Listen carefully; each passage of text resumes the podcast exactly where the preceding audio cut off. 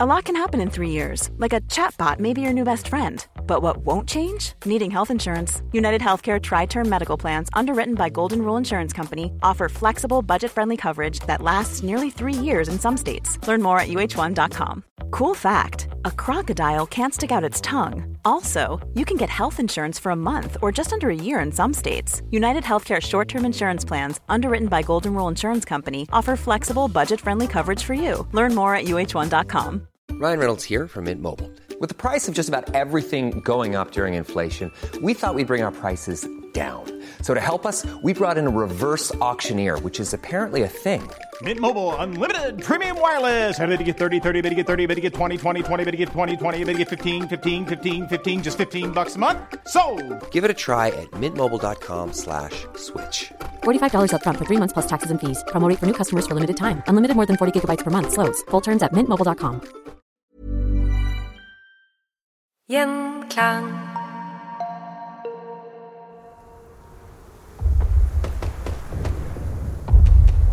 Den 20. januar 1945 startet den østprøyssiske offensiven, hvor Den røde armé fosset innover Øst-Tyskland i voldsom fart. Soldatene stusset over hvor mange fine hus med fine hager de så her i Tyskland, og tenkte at her måtte det bo baroner. Innvendig var det mat, krydder, og overraskende mange av husene hadde pianoer. Dette var, for å si det mildt, i stor kontrast til de sovjetiske soldatenes egne liv før krigen. I sinne brant de ned husene. Men dess lenger inn de kom, desto flere slike hus så de. Det kunne ikke være så mange baroner, så dette her var da vanlige tyskeres hus, forsto de. Og nå dukket to sterke følelser opp hos de sovjetiske soldatene. For det første hadde deres egne ledere løyet til dem ved å si at det var Sovjet som var best og hadde det best. For det andre, hvis tyskerne hadde det så fint, hvorfor kom de og angrep oss? Hvorfor kjørte de tanks gjennom den fattige landsbyen min og ødela det lille vi hadde? Hatet som allerede var en åpen flamme, skulle bli et inferno. Og sovjetisk hevnlyst hadde sine øyne på Berlin. Velkommen til Historier som endret verden. På besøk hos oss i dag for å snakke om den sovjetiske invasjonen av Nazi-Tyskland i 1945, har vi venn av podkasten, Hans Olav Tyvold. Velkommen. Takk for det. Det vi skal snakke om i dag, eh, er ikke så veldig hyggelig. Eh, men vi kan kanskje gå litt tilbake i tid og ja, kjapt nevne Operasjon Barbarossa. Vi kan godt gå enda lenger tilbake i tid enn eh, det også, og nevne at frem til juni 1941 så var Russland, eller Sovjetunionen, alliert med Tyskland i mm. annen verdenskrig. Det skulle da altså forandre seg veldig brått den 22. juni 1941, for da tok Tyskland og brøt den pakten de hadde gjort med Sovjet, og gikk til angrep. Og Dermed så fikk man etablert den såkalte østfronten, og man kan godt si at østfronten er selve kjernen i den andre verdenskrig. Det er altså den største fronten under krigen. Det er her det går flest menneskeliv eh, tapt, og det er her vi får de aller, aller største eh, lidelsene. Og det er også her krigens gang for alvor begynner å snu med det berømmelige slaget om Stalingrad, ja. som jo varer ved og varer ved og varer ved, og hvor sovjeterne til slutt får overtaket og begynner å drive de tyske styrkene tilbake. Og det har de bestemt seg for å gjøre hele veien til Berlin. Stalingrad, det var jo, ja, når vi snakker om lidelser, det var jo et forferdelig slag. Men hvordan, hvordan sto det til på russisk side av fronten? Hvordan, hvordan drev de frem? Det som gjør eh, slutten av østfronten, og da kan vi si at vi snakker om eh, la oss si det siste halvåret av krigens gang, da, altså fra slutten av 44 og frem til mai 45, gjør det litt spesielt, det er at her møtes veldig mange av de konfliktene som allerede har pågått, men samtidig så møtes det med Eh, etter hvert som du kommer over grensa til Tyskland, skal jeg ikke foregripe ting her, så møter man også en del av eh, Europa som ikke har vært berørt av, eh, av krigen, og med, med, de konsekvenser det får. Vi tenker på at i september 39 så har jo tyskerne går de da løs på eh, Polen. Visste du for øvrig at det er første gang ordet konspirasjonsteori blir brukt? Nei. Jo, fordi at eh, tyskerne hevdet jo at de bare forsvarte seg mot polakkene. Og da polakkene hevdet at nei, det var Tyskland som gikk til angrep, så hadde man i Berlin allerede konstruert altså begrepet konspirasjonsteori. Så når du hører noen bruker det ordet, så skal du vite at det er godkjent av Goebbels og, og, og tatt i, i, bruk, eh, i, bruk, eh, i bruk der. Fint familietre for det ordet der. Og når det gjelder østfronten, den kunne vi jo selvfølgelig laget en hel programserie om i, i, i seg selv. Og den har etterlatt seg veldig store spor i historien, veldig store diskusjoner om hva det egentlig var som eh, foregikk. Og en sentral slagmark her blir jo Polen, mm -hmm. som altså først blir overkjørt av eh, Tyskland så lenge de er på offensiven, og så deles det med, med, med Sovjet. Og så bryter altså eh, krigen mellom eh, Tyskland og Sovjet løs. Så blir det altså tyskmark, og så når østfronten snur, så kommer det altså inn igjen med eh, russerne. Russerne så på krigen i, eh, i, Polen som en befrielseskrig, og det var jo ikke så rart etter hvert som de så hva de eh, faktisk eh, befridde folk fra. Det var jo russerne som f.eks. kom over Auschwitz mm. for, for første gang. Og polakkenes forhold til både eh, Sovjet og, og, Tyskland det kan jo illustreres med historien om eh, eh Katynskogen. Ja, det har blitt lagd film om det. Altså. Det er laget film og masse bøker om det, og, og, dette flommet frem og tilbake. Da jeg var ung journalist for en 30-40 år siden, da gikk diskusjonen fortsatt frem og tilbake. Det handlet da også om at eh, tusenvis, titusenvis av polske offiserer ble eh, massakrert. Og etter krigen så het det seg at de var blitt massakrert av tyskerne. Mens Polen hele tiden hevdet at nei, det var sovjeterne som sto bak. Og det er da etter hvert blitt eh, slått fast at det var sovjeterne som sto bak eh, massakren. Men det sier jo litt om kampen om sannheten her. Mm. At man altså kan diskutere i tiår hvem det var som massakrerte titusenvis av, eh, av, av, av, soldater. Så det sier litt om propagandaverdien av hva som har foregått her. Men grunnen til at dette felttoget huskes, altså det sovjetiske felttoget huskes som kanskje den grusomste delen av annen verdenskrig eh, for sivilbefolkningen, det er jo selvfølgelig en håpløs målestokk. Hvordan hadde folk det i Hamburg ja. mens ildstormen eh, raste osv.? Men noe av det som kanskje setter det i relieff, det er at Østprøysen, og da må du tenke deg liksom det nordøstre hjørnet av, eh, av Tyskland, mm. inn mot Polen. Hvis du tenker deg om, så er jo det nødvendigvis et område som ikke hadde blitt berørt av krigen. Det var faktisk et av de minst krigsberørte områdene i Europa, for det hadde aldri rullet noen tanks eh, over der. Så de hadde i grunnen levd et veldig isolert liv i den delen av Tyskland, og der gikk livet helt frem til slutten av 44, så gikk livet sin vante gang som før. Det var kuer, eh, det var mat på åkrene, eh, samfunnet var greit og godt organisert. Mot slutten av 44 så blir det klart at dette kommer ikke til å eh, vare. En forsmak kommer allerede i oktober 1944, eh, for da tar sovjeterne en liten eh, tysk by i, i Østprøysen som heter Nemmersdorf. De beholder den bare en to-tre dager, men rapportene om hva som skjer i løpet av de to dagene, blir en veldig sensasjon i Tyskland, fordi den bekrefter veldig mye av propagandaen. Hvor mye som er 100% riktig, det vet man ikke, men det var ingen tvil om at her var det massakre. Det var voldtekter, det ble rapportert om kvinner som var spikret opp, korsfestet på låveveggene bortetter, og eh, nedbrente hus. Altså total, total eh, terror.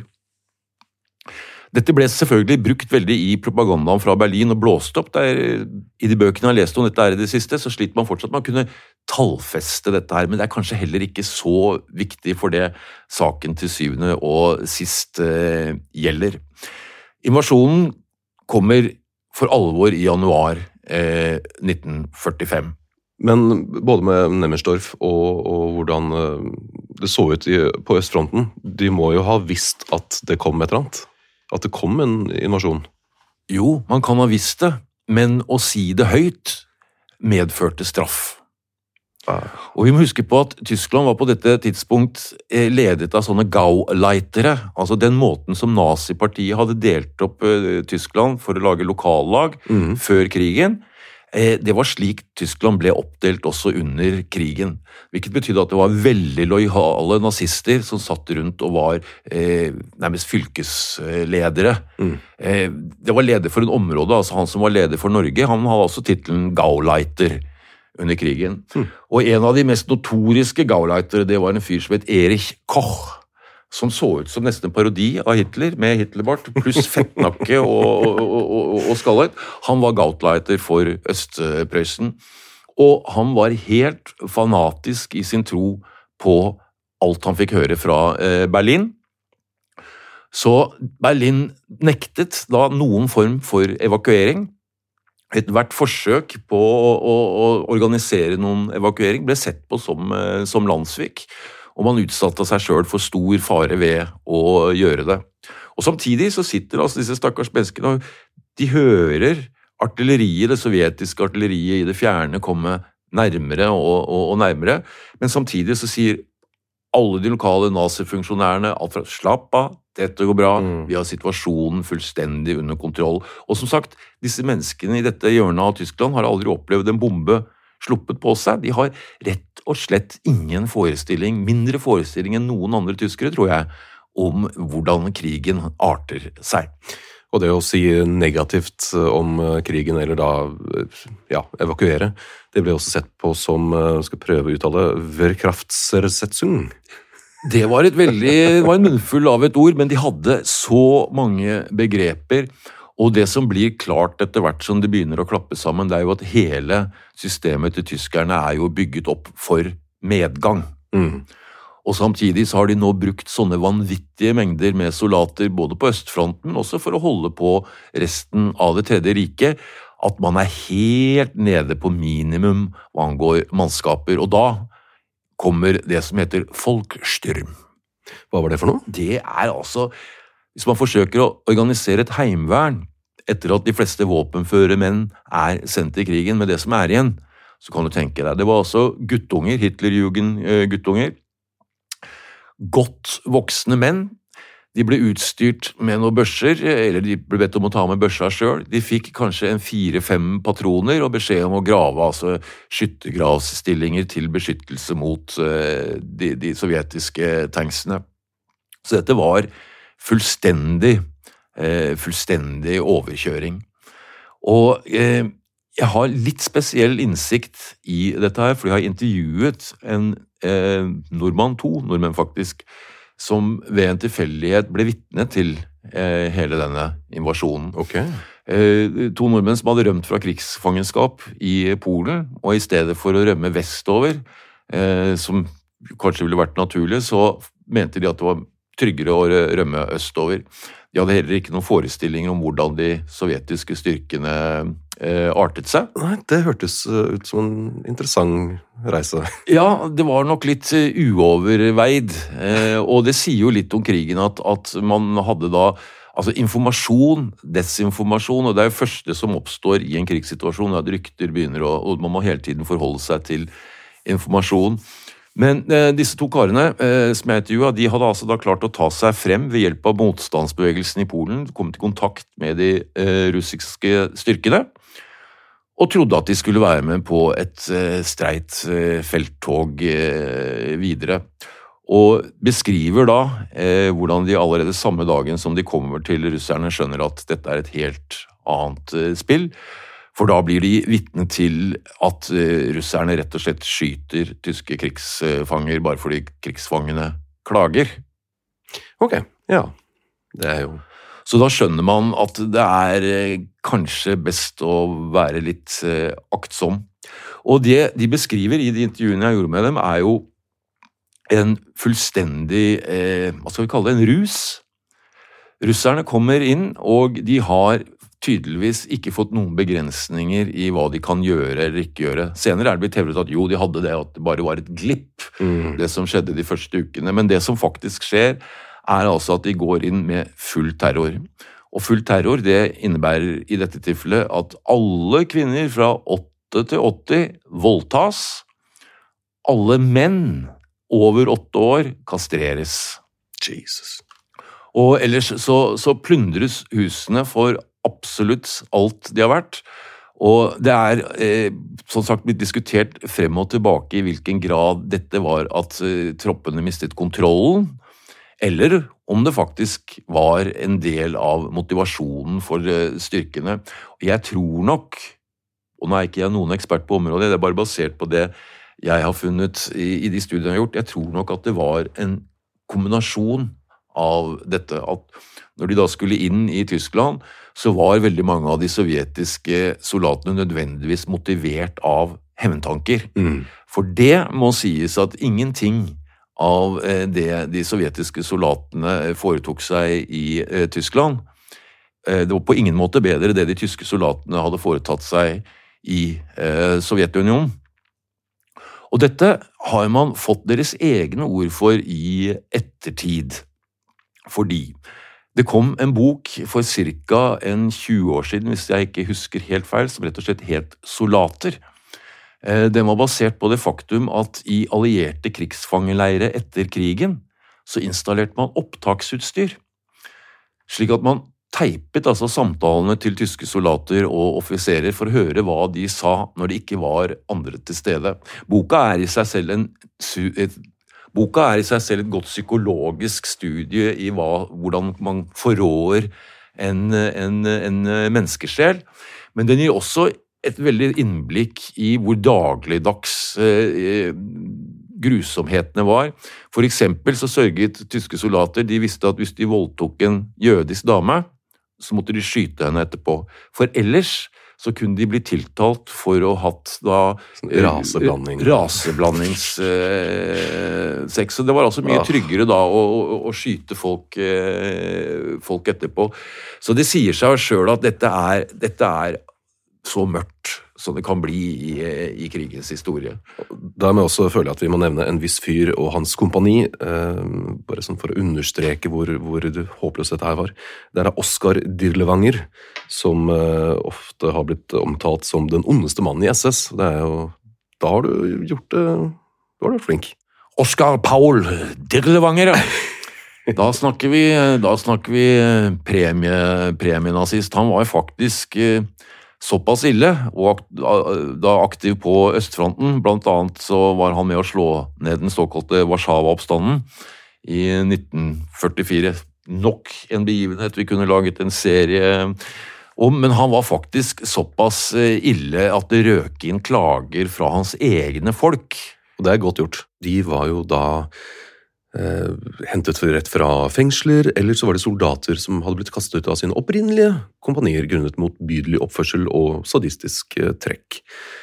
Eh, ja, dette var egentlig bare en gruppe sadistiske mordere og voldtektsmenn som ble sendt østover, og bare i Warszawa henrettet de minimum 40 000 sivile. De drepte barn, gjenvoldtok, Røde Kors-sykepleiere gjorde de, før de så drepte dem, you name it, they did it. Det er jo som det sies i krigsfilmen Apocalypse Now, det er som å dele ut fartsbøter under et eh, Formel 1, eh, 1-løp. Men de tyske soldatene, og igjen tilbake til denne soldaten, soldaterboka, de hadde iallfall fått banka i seg et sånn viss form for, for, for, for etos, men så var det denne undermennesketenkningen, da. Mm. Som gjorde at etter hvert som de rykket østover, så, så, så var de eh, innpodet med at det var rett og slett ikke mennesker, det de, eh, det de slåss mot. Og russeren hadde jo heller ikke noen grunn til å se på tyskerne som eh, mennesker.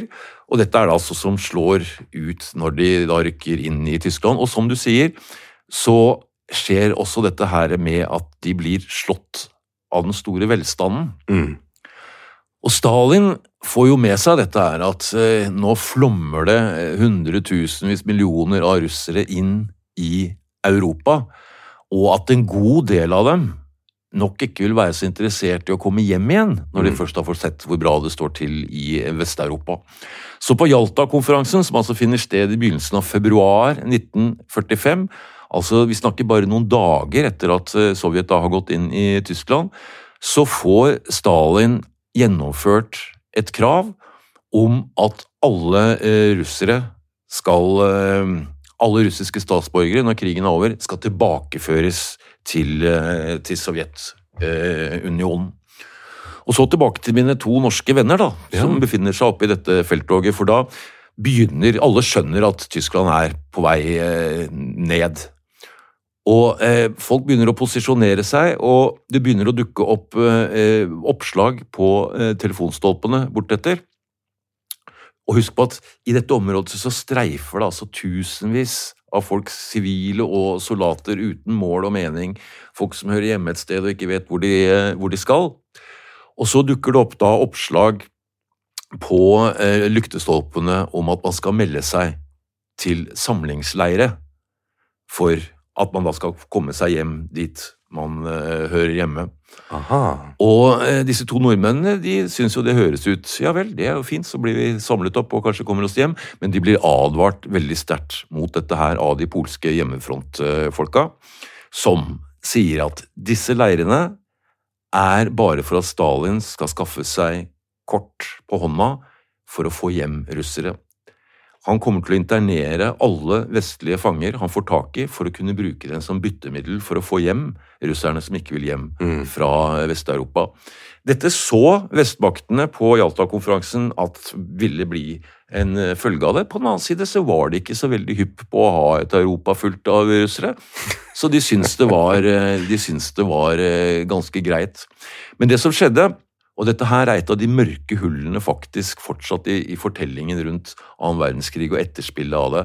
Det er hvor mange vestlige fanger var det som forsvant inn i sovjetsystemet og ble en del av Gulag-systemet. For vi må huske på at Sovjetunionen hadde allerede veldig, veldig tidlig i sin karriere. De var knapt kommet til eh, makta engang før de begynte å etablere interne arbeidsleire, og en del av Sovjets økonomi, veldig mye av den, var basert på arbeidet til slavearbeidere. Man dømte folk for en forbrytelse, reell eller ikke reell, og så ble de satt i slavearbeid. Og dette varte gjennom hele Sovjetunionens historie helt frem til 90-tallet. Kjente Aleksandr Solzjenitsyn, nobelprisvinner, forfatter, skrev i boken Gulag Arkipela', hvor han beskriver altså livet i, eh, i disse arbeid, eh, arbeidsleirene. Som da trengte å fylles opp, for de var jo da, som nå, så tømte man fengsler Ja. når eh, krigen kom. Så de sto uten De manglet arbeidskraft. Så det er blitt spekulert i hvor eh, mange eh, vestlige soldater, og også sivile for den saks skyld, som egentlig havnet i arbeidsleirene i Sovjetunionen. Veldig, veldig mange kom hjem, og det høye antallet som kom hjem, forteller også noe om hvor mange som ble borte. Men dette var altså mulig i det kaoset som oppstod, for det var et fullstendig vakuum i Nord-Tyskland i, i, tidlig på, på vinteren 1945. Hei, Christian fra Historier som endret verden her. 7. til 21. mars inviterer Universitetet i Oslo til festivalen Inn i historien. Det blir samtaler, foredrag, filmvisning, byvandring og mye mer. Jeg skal i hvert fall se okkultisme og heksebrenning på selveste kvinnedagen på Deichmanske Oppsal. Og kanskje nazistenes bruk av Ibsen på Majorstua bibliotek 11. mars. Det er masse som skjer, og faktisk så skal jeg ikke bare ha én, men to livepodder. 12. mars klokken seks på Deichmanske Romsås skal jeg snakke med Kjerstin Aukrust om det franske kolonirikets fall. Og dagen etter, 13. mars, også klokken seks, skal jeg snakke med Anders Bettum om da Europa ble så hodeløst forelsket i mumier og pyramider at det bikket over til egyptomani. Dette er da på Deichmanske på Nordtvedt. Dette blir kjempegøy, og det er utrolig mye bra på plakaten. Sjekk ut hf.uio.no, eller så kan du bare google 'Inn i historien', så finner du hele programmet. Det er masse å se, og alt er gratis. Flexibility is great. That's why there's yoga. Flexibility for your insurance coverage is great too. That's why there's United Healthcare Insurance Plans. Underwritten by Golden Rule Insurance Company, United Healthcare Insurance Plans offer flexible, budget friendly coverage for medical, vision, dental, and more. One of these plans may be right for you if you're, say, between jobs, coming off your parents' plan, turning a side hustle into a full hustle, or even missed open enrollment. Want more flexibility? Find out more about United Healthcare Insurance Plans at uh1.com. Og der har man da mange sivile som da prøver å flykte. Du har eh, sikkert mange militære som prøver å flykte også, og militære som går motsatt vei mot fronten. Og fra øst så er det da militære som kommer vestover. Det er jo et evig kaos. Det er et evig kaos, og samtidig som det er et kaos, så er det den største flyktningekatastrofen under hele den annen verdenskrig, faktisk. Det er 15 millioner tyskere blir drevet på flukt. Jesus. Og mens vi snakker om statistikker eh, Antallet døde har jeg ikke klart å slå fast på noen sikker måte, men eh, antallet barn født som resultat av voldtekter, det har man slått fast til at det var nesten 300 000. Altså Nesten 300 000 barn blir født i 1945 som en følge av voldtekter begått av russerne under eh, invasjonen av eh, Tyskland. Så det sier seg sjøl at dette er jo et sånt eh, historisk sår som ikke gror med det første. Det er den, den russiske filmregissøren Sakar Agranenko, eh, som på den, det tidspunktet var offiser i eh, den russiske marinen. Eh, da var de da i, i Nord-Prøysen der. Han eh, beskrev det som eh, Red Army soldiers don't believe in individual liaisons with German women. Nine, ten, twelve men at a time. They rape them on a collective basis. Ja, jeg har funnet frem et direkte sitat eh, som jeg eh, fant på YouTube. YouTube. Hvor det faktisk var et intervju med en eldre russer som hadde vært med på dette felttoget, og som på det tidspunktet da han ga intervjuet, har blitt så gammel at han rett og slett ga blanke F i, eh, i konsekvensene. Fordi, det skal du vite, at det vi sitter og forteller nå, hvis vi hadde sittet i dagens Russland og gjort det, så ville vi være henfallende til straff. Det er straffbart i dagens Russland å komme med en annen versjon av den offisielle beretningen om det de der kaller den store fedrelandskrigen. Og hvis du noensinne har vært i eh, Russland i april-mai, eh, så vil du se at fortsatt den dag i dag så er TV og, og informasjon preget av dette. Russerne setter enormt mye av sin nasjonale stolthet i akkurat seieren over, eh, over Nazi-Tyskland. Men denne eldre russeren, jeg tror jeg skal få lov å lese hans statement som jeg sjøl har oversatt fra YouTube. Ja. Med en gang vi kom over grensen, begynte soldatene å hive av seg sitt utstyr og spre seg utover. Nå begynte min tropp å løpe etter og voldta alle tyske kvinner. Barna til disse kvinnene forsøkte å redde sine mødre ved å klamre seg til dem. Barna ble skutt. Generaler og oberster sto ved siden av og så på mens de lo. De kvinnelige telefonoperatørene lo også. Jeg var livredd. Jeg satt i bilen og så hva som foregikk, jeg ville ikke gå ut. Hele troppen min voldtok alle tyske kvinner i området. Det var et forferdelig skue som fikk meg til å tenke på Kartagos fall. Vi overnattet i en skolebygning, og da jeg våknet og gikk ut om morgenen, så jeg for første gang de tre spisse tyske takene kledd med teglstein. To barn kom mot meg, to jenter, og de sa noe som hørtes ut som mor og bror. De lette etter moren sin og brødrene sine. De kan ha vært 14 til 16 år gamle. Jeg skjønte at de ville bli voldtatt hvis noen oppdaget dem, og jeg ga tegn til at de måtte komme seg vekk. De forsto og løp vekk. Jeg gikk tilbake til bygningen, til rommet mitt, ser jeg passet telefonen, og plutselig hører jeg skrik, skrik, skrik. Jeg gikk til vinduet og så at majoren kom ut. Han var en fæl mann, major Adrianov. Majoren beordret mennene til å stille seg i to rekker, én for hver av jentene. De tok disse småjentene, rev av dem klærne, og alle i de to køene voldtok disse to småjentene. De begynte å blø. Jeg så på det hele i forskrekkelse. Da jentene besvimte, ble de skutt i munnen. Rett ved siden av lå det en svinesti, og likene av jentene ble kastet inn dit. Jeg gikk til svinesti en halvtime senere, og da var det bare hodeskallen og rosenkransen igjen av dem. Grisene var sultne. Jesus. Altså, og dette er altså bare sånn én tilfeldig scene valgt, eh, valgt ut i, eh, i dette her. Det som kommer hakk i hæl, det som kommer forbløffende raskt hakk i hæl, eh, ifølge beretningen til disse nordmennene, det er det russiske byråkratiet. Ikke før er russerne på plass, så er det også stempler og tillatelser og passasjer. Eh, og byråkratiets evinnelige trang til å holde tilbake og være forsiktig. Man må ha papirer for å kunne bevege seg, man må ha papirer for det ene for det andre, men ingen vil gi deg de papirene. Samtidig så er det også uanede mengder med vodka. Altså, de har tankbiler med, med vodka. Og det beskrives altså som et gigantisk drikkegilde, dette er. Og da altså med all den usikkerheten du kan tenke deg på. De beskriver eh, russere som går med armbåndsur til helt opp til skulderen. Spesielt armbåndsur var alle uh, ute etter, for det var lett å transportere med seg. Ja. Men det fortelles også om at de drar rundt med tror, lysekroner, bilder, alt mulig som er blitt plyndret fra, eh, fra, fra disse husene. Og da Den røde armé kom, eh, kom, over slike fangeleirer som tyskerne hadde satt opp, så var det jo ikke akkurat uh, trivelige mot de russiske uh, fangene der heller. Da ble jo kvinnene voldtatt, og så skutt. Og mennene ble da enten skutt, eller hvis det var soldater, så kunne de bli egentlig bare brukt som menneskelig skjold. Og det kan forklares med eh, sovjetarmeens forhold eh, til kampplikt. Det å bli tatt til fange, det ble sett på som forræderi. Altså, det var straffbart i seg sjøl. Du skulle slåss til du eh, døde.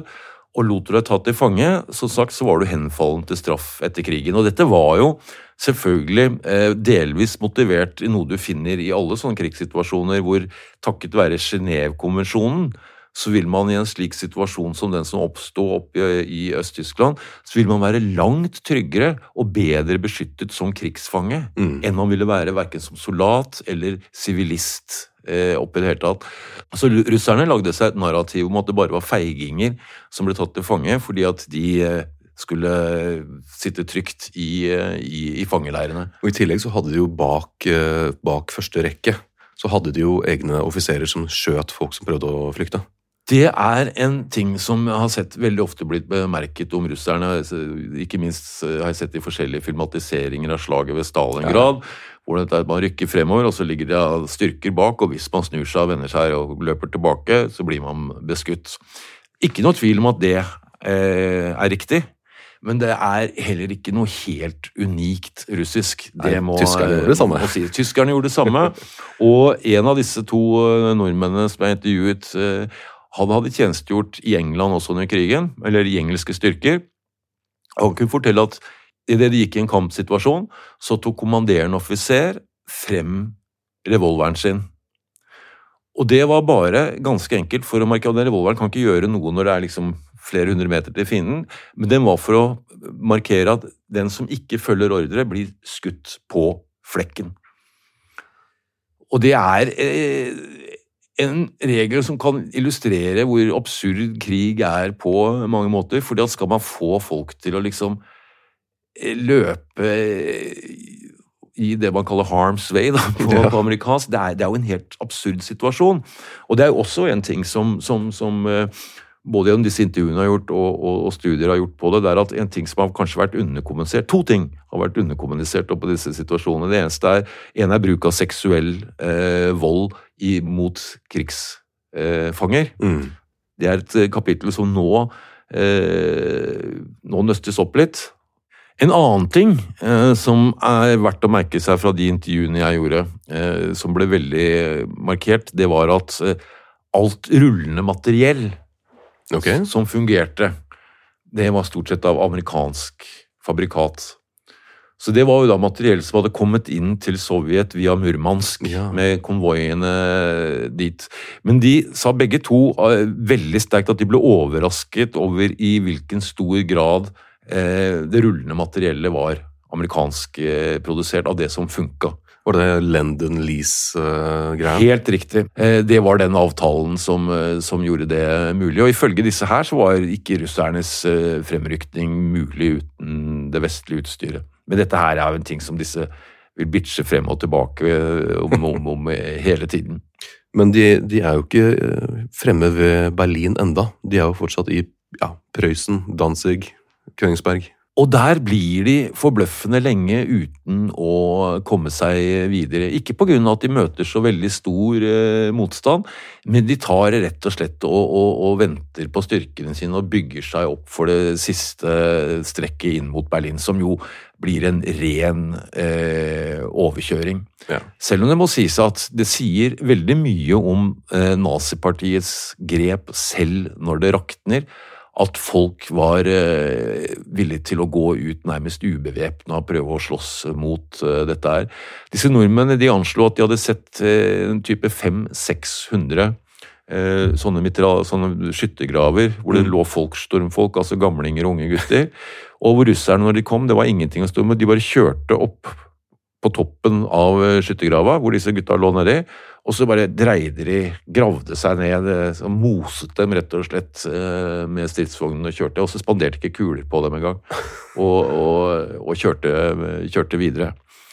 Så dette ble jo en del av eh, Tyskland hvor det etter krigen eh, i, i grunnen ikke bodde tyske menn i våpenfør alder i, eh, i det hele tatt. Jeez. Og som sagt, 15 millioner eh, flyktninger, den største, største flyktningkatastrofen eh, under, eh, under den annen verdenskrig. Midt på vinteren, hvor det var ekstra kaldt og det var storm i tillegg. De vintrene under krigen Jeg vet, jeg trodde først at det bare var min bestemor jeg, som pleide å si at, at det var så mye kaldere under krigen, men det var faktisk et moment, det også. Det var noen av de tøffeste vintrene man kan tenke seg sånn på europeisk, eh, europeisk målestokk. Og så var det altså den totale forvirringen som eh, gjør at man, eh, som vi var inne på i stad, eh, fortsatt ikke vet nøyaktig hvor mange mennesker som forsvant eh, hvor uti dette her. Disse to nordmennene de kom seg ut på et ganske kuriøst vis, fordi at de eh, ble da innrullert i Den røde armé. Ok. Og ved en misforståelse trodde russerne at den ene av dem var kaptein, altså offiser, og russerne har alltid gjort enorm forskjell på offiserer og eh, vanlige fotfolk. Den røde armé er jo etablert av Leon Trotskij i sin tid, altså Stalins rival, og skulle liksom være en kommunistisk armé, men eh, Stalin hadde jo renska ut 40 000 eh, offiserer eh, og sånn. ja. Så den var jo blitt et skikkelig sånn kommunistisk, kommunistisk verktøy, men samtidig så var jo da som nå, som vi har sett med Wagner-gruppen og sånn, så var jo liksom de sovjetiske lederne alltid redd for de som ble helter, altså generalene som slo seg opp, og som det kunne skaffe en, en, en maktbasis.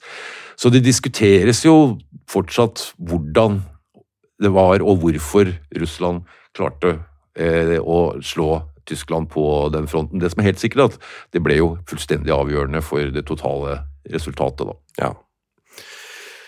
Men eh, ja, nei, bare disse Bare disse månedene i 1945 på østfronten der, det viser hvor mye propaganda og blind ideologi og dumskap kan, kan ødelegge andre menneskers liv, altså, og ve og vel. Og så er det interessant med dette momentet med hevn. Blir, eh, blir interessant, fordi jeg og Nå er det bare mine personlige meninger som kommer frem her. Men eh, nettopp dette her med de reglene som Genévekonvensjonen og sånn regulerer krigens gang, den beskytter jo bare de militære. Det fins masse regler for de sivile, men i øyeblikket de brytes, så er eh, ja, det er ikke noe man kan, eh, kan gjøre noe med det. Og det er jo det som er eh, Det er tragedie nok med alle de soldatene som setter livet til, men den demonstrerer jo avslutningen på eh, annen verdenskrig. Den demonstrerer jo hvilken fullstendig håpløs situasjon befolkningen i en tapende krig utsettes for. Enkelte sier jo at jo, det som skjedde etter krigen var jo for så vidt et stort fremskritt. 100 år senere så ville de enten blitt drept eller solgt som slaver. Det var jo slik man vanligvis gjorde med beseirede land frem til opp på 1700-1800-tallet. Så noen vil jo se det som et, eh, et fremskritt, men det er jo selvfølgelig et eh, tankekors at nå er det krig i gang i akkurat disse områdene, noen av de sentrale områdene for, eh, for østfronten, og ikke minst Ukraina. Så hvor mye mann, skråstrek vi har lært, det er vel åpent for diskusjon. Ja, folkeretten brytes. Og det er, eh, det er jo egentlig to ting jeg har lyst til å legge til der. Det ene er, med tanke på Genévekonvensjonen og, og, og fangeleirer, så har vi i Historisk mindret verden en episode om eh, Kolditz, et eh, fange, en fangeleir i Tyskland for fanger som eh, likte å rømme litt for godt. Og Der ser du også da at eh, det var stor forskjell på offiserer og menige, og ifølge den konvensjonen så hadde offiserene krav på en tjener. Og tjeneren ble da hentet inn fra en annen fangeleir og var en menig. Måtte vaske og lage mat og drive og styre på. Det gjorde stor forskjell dette her med å være offiser og, og ikke-offiser. Det har jeg skjønt på, på, alt jeg har lest uh, rundt at det var en stor, stor forskjell. Og de brukte jo også offiserer mye som byttebrikker, uh, fangeutvekslinger og, videre. Mm.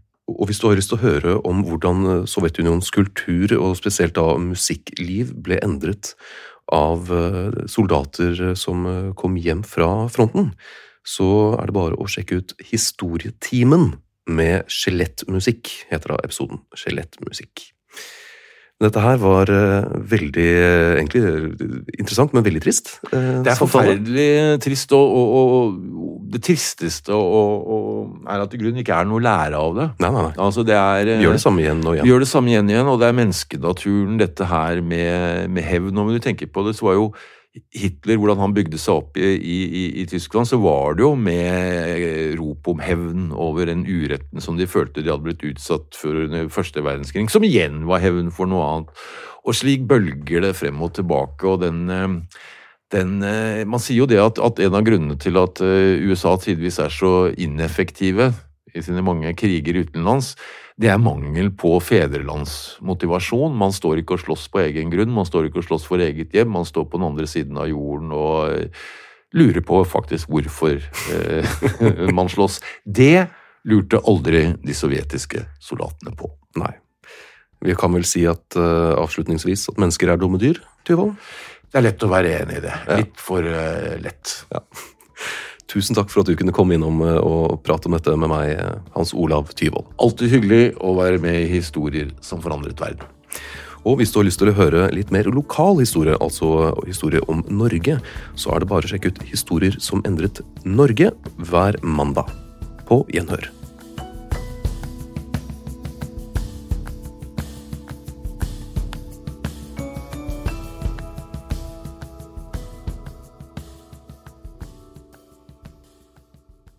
Gjenklang.